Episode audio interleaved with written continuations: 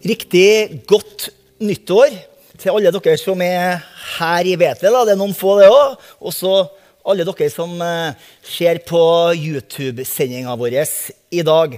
Det er jo en tradisjon å si akkurat de ordene når vi liksom runder et uh, nytt år. Men la oss på det personlige plan og som menighet hjelpe hverandre til å virkelig tro at 2022 skal bli et godt år. Det har jo starta litt sånn uh, nedstengt og litt sånn uh, kjedelig, da. Men uansett hvordan vi vrir og vender på det, så er det sånn at 2022 det er 365 dager med muligheter. Muligheter på det rent menneskelige plan, men også muligheter for Gud til å ta oss alle sammen over og forbi våre naturlige begrensninger og våre villeste drømmer.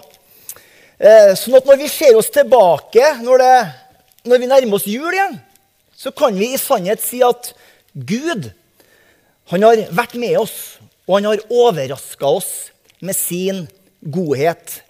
Jeg skal lese tre bibelvers for deg i dag. Og alle sammen er fra apostlenes gjerninger. Og I alle disse versene så er det ett ord som, eh, som går igjen. Det første verset står i Apostlenes gjerninger, kapittel 2. Og fra vers 2, og Den historien kjenner vi jo. Jesus har dratt til himmelen. Disiplene er etterlatt. De er litt rådville, de er litt forvirra. De skjønner ikke helt hva som har, eh, hva som har skjedd. De vet ikke helt hva, som, hva, hva de skal gjøre. Men de gjør det som Jesus sa at de skulle gjøre. Og det var jo basically at de skulle sitte og vente på et eller annet. Høres litt kjedelig ut. Og så kommer det i vers 2. Plutselig kom det en lyd fra himmelen som av en mektig stormvind og fylte hele huset der de satt. Plutselig, leser vi. Og I Apostlenes gjerninger, kapittel 9, så leser vi historien om Paulus, som eh, fram til da hadde blitt omtalt som Saulus. Han var på dette tidspunktet en forfølger av de kristne. Han var på vei fra Jerusalem til Damaskus for å fengsle de kristne og føre dem eh, til Jerusalem i lenker. Og så kommer vi til vers 3. Der står det Mens han var på denne reisen og nærma seg Damaskus, skinte plutselig et lys fra himmelen rundt den. Og Fra den dagen vet vi jo at livet til Paulus ble forvandla. Plutselig. I Apostlenes gjerninger 16 så leser vi om Paulus og Silas som er på misjonstur. De har kommet til en by som heter for Filippi. og Der blir det da litt spetakkel, og så havner de i fengsel. Og Så står det i vers 25 at ved midnatt var Paulus og Silas i bønn, og de sang lovsanger til Gud. Og fangene hørte på dem. Plutselig kom et stort jordskjelv, så fengselets grunnvoller rista. Straks ble alle dørene åpna, og alle fangenes lenker ble løst. Tre ganger leser vi ordet 'plutselig' i forbindelse med at Gud griper inn, og ting forandres veldig sånn radikalt. Jeg bruker ikke så mye, mye energi på å bestemme meg for uh, nyttårsforsett. Men det er én ting jeg ønsker at vi sammen skal bestemme oss for i 2022. Det her året og alle år. La oss tro at Gud plutselig kan gjøre ting i oss, gjennom oss og for oss. I de eksemplene som jeg tok fram her, så var det jo voldsomme, spektakulære ting som skjedde. Det var en mektig vind. Det var et lys fra himmelen, det var en stemme som snakka ut fra himmelen, og det var et stort jordskjelv. Og Nå tror ikke jeg at alt som er spektakulært, er liksom per definisjon sterkt. Eh, jeg tror at man selvfølgelig kan møte Gud på veldig mange ulike måter. Men det jeg sitter igjen med når jeg leser de her tre bibelversene, det er at Gud han er i hvert fall villig til å gå veldig langt for å oppfylle sin store frelsesplan men også for å hjelpe sine barn som er i fangenskap. De satt i fengsel. La oss det her året gjøre det enkelt for hverandre å tro at Gud plutselig kan gripe inn med sin nåde og kraft for å snu situasjoner som vi føler kanskje er litt fastlåst. La oss personlig og som menighet leve i forventning om at Gud plutselig åpenbarer sin storhet og sin kraft. Og det kan skje, vet du. Det kan skje mens du ber og venter. Det kan skje mens du, mens du driver på med dine daglige gjøremål. Og det kan skje midt i en vanskelig situasjon. Gud er på en måte en sånn plutselig Gud som er full av overraskelser. Han fungerer ikke nødvendigvis sånn som jeg og du forventer at han skal fungere. I Paulus sitt eksempel så ser vi at mens han var på reise, mens han var på vei, mens han levde livet sitt og gjorde det han holdt på med, så ble han avbrutt av Guds plutselig. Og livet forandra retning. Eh, det fins et annet ord som jeg også tenker på litt innenfor dette året, og det er ordet øyeblikk. Du vet, gjennom livet så opplever vi en hel del ting. Livet består av hendelser. Det består av erfaringer, ulike perioder og stadier som vi går gjennom. Og hvis man deler det opp i mindre biter, så kommer vi til ordet øyeblikk. Og når man ser seg tilbake etter mange år, så vil alle disse periodene, hendelsene, erfaringene og øyeblikkene ha skapt et helt liv. Mitt liv og ditt liv. Og Hvis vi delte ut et blankt ark til dere alle sammen her nå og ba dere om å skrive ned det du mener er de ti viktigste hendelsene, de ti viktigste tingene i et menneskeliv, så tror jeg at mange ting ville ha gått igjen da, hvis vi har sammenligna men det ville også være en del variasjon når det gjelder livets høydepunkt. Det kan jo være den dagen du ble født, eller din første dag på skolen. Eller når du tok førerkort, din første date, første kyss, første dag på universitetet, når du flytta hjemmefra, når du ble gift, når du fikk ditt første barn, når du kjøpte et hus, eller du opplevde at ungene dine gifta seg, eller når du ble pensjonist og slutta i jobben. Alt det der kan jo være livets høydepunkt, men jeg håper at midt i alt det der så skal Gud, Jesus og Bibelen få ha en viktig plass. Ja, kanskje den viktigste. Jeg håper at alt det her jeg håper at i alt det her så skal Kirka og det kristne fellesskapet få ha en viktig plass. Ikke bare fordi at du trenger kirka, men fordi at også kirka trenger deg. Jeg tror at dette skal være en plass for oss alle sammen hvor vi skal få lov til å blomstre, hvor vi skal få lov til å bruke våre gaver, sånn at andre mennesker skal bli velsigna.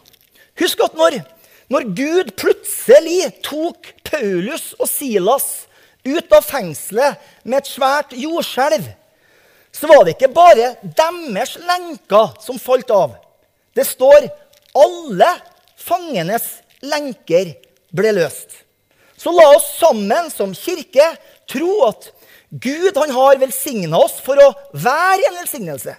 Det handler ikke bare om mine og dine lenker og behov. Det handler også om andre menneskers lenker og behov. Mennesker som kanskje aldri har satt sin fot i ei kirke. La oss gå tilbake til ordet øyeblikk. Du vet, Planlegging det, det er veldig bra. Vi planlegger jo nesten alt mulig. Vi planlegger karrieren. Vi planlegger økonomien. Vi planlegger for det verste, vi planlegger for det beste. Vi planlegger ferien. Vi planlegger alt. Og det er bra. Det skal vi fortsette med å gjøre. Men midt i all denne planlegginga, strukturen, ordentlighet og skikkelighet, så kan man gå glipp av øyeblikket. Du vet, det er en del muligheter som bare oppstår, som man ikke kan planlegge seg fram til. Dem må man bare liksom gripe der og da.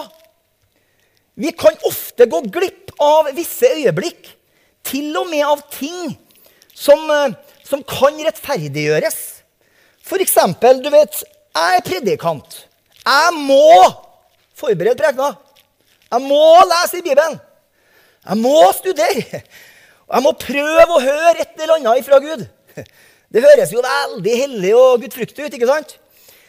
Men jeg kan gå glipp av det øyeblikket når min sønn tok sine første skritt som ettåring. ikke sant? Eller når dattera mi lærte seg å sykle. Jeg kan gå glipp av det fordi jeg holder på med noe annet som er bra i seg sjøl, men jeg går glipp av øyeblikket. Tenk på historien om Martha og Maria, søstrene til Lasarus.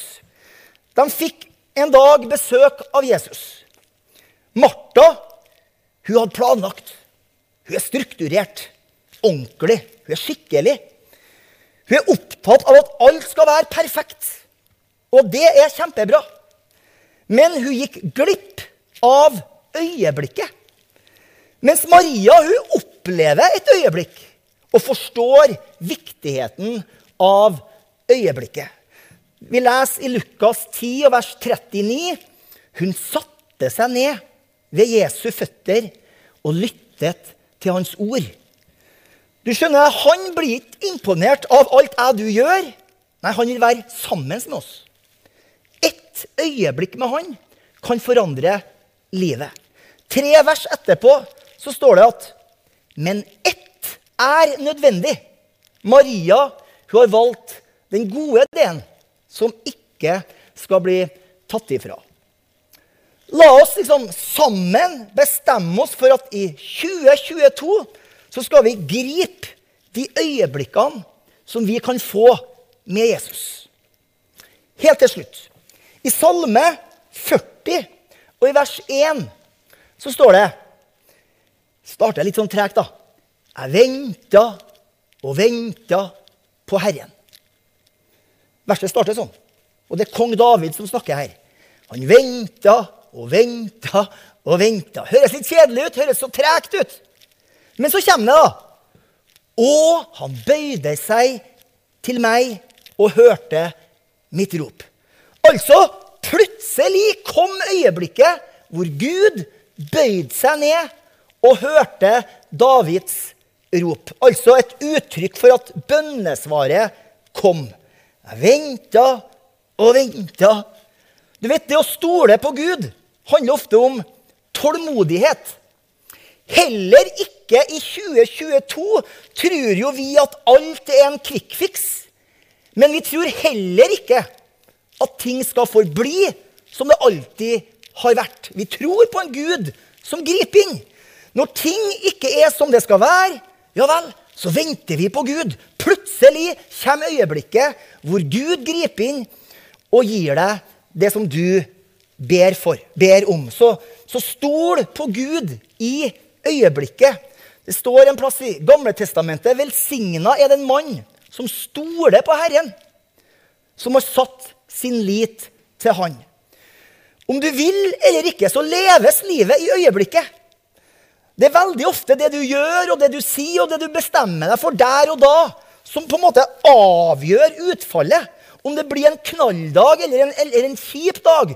Om du skaper liksom, øh, liv eller død. Om du skaper glede eller sorg for andre mennesker. Det er funnet ut.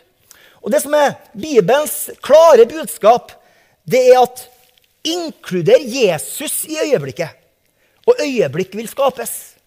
Inkluder Bibelen i øyeblikket, og øyeblikk vil skapes. Inkluder kirke og det kristne fellesskapet i øyeblikket. Og øyeblikk vil skapes både i ditt liv og i andres liv. Skal vi lukke øynene våre, og så skal vi bøye våre hoder der du sitter. vet du. Og så skal vi be ei bønn. Hvis du, er, hvis du sitter der og du ønsker å inkludere Jesus i alle dine øyeblikk, fordi du erkjenner at det her klarer ikke jeg sjøl, jeg trenger deg, Jesus.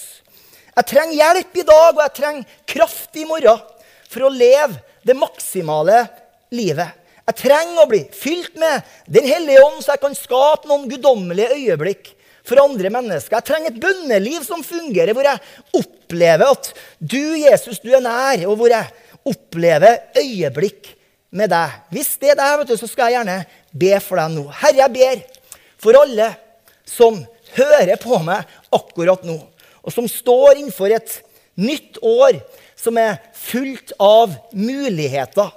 La de mulighetene, Herre, ikke bare handle om personlig utvikling og ytre ting, eh, men la oss alle være i stand til å gripe de øyeblikkene som du skaper for oss, Herre.